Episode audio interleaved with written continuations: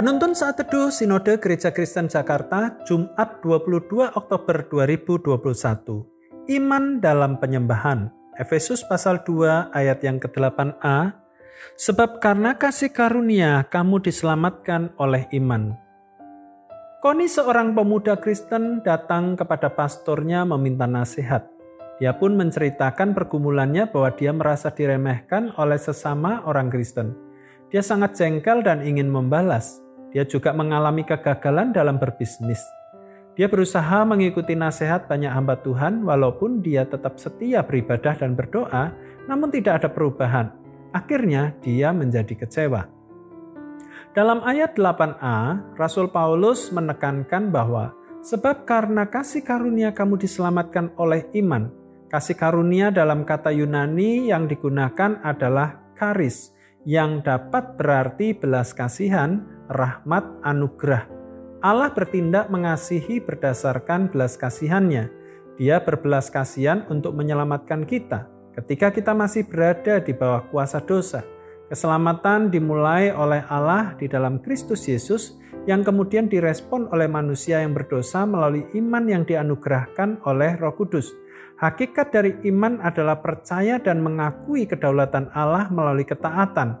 Iman bukan percaya secara buta, tetapi melalui pengalaman dan fakta.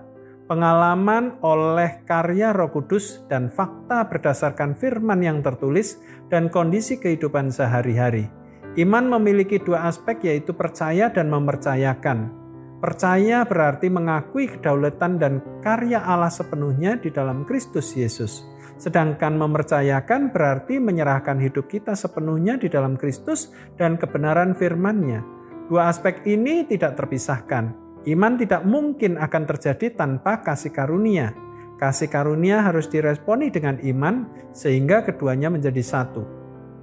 Kasih karunia adalah aspek Allah, iman adalah aspek manusia yang ditopang oleh Roh Kudus. Pengalaman dalam pergumulan Koni di atas menyadarkan kita untuk melihat dan mengoreksi diri bahwa kita membutuhkan iman dalam penyembahan. Iman yang mengakui dan menghormati kekudusan serta kehadiran Allah yang berdaulat di dalam Kristus. Iman yang menyerahkan seluruh hidup, termasuk pelayanan dan penyembahan kepada Allah di dalam Kristus.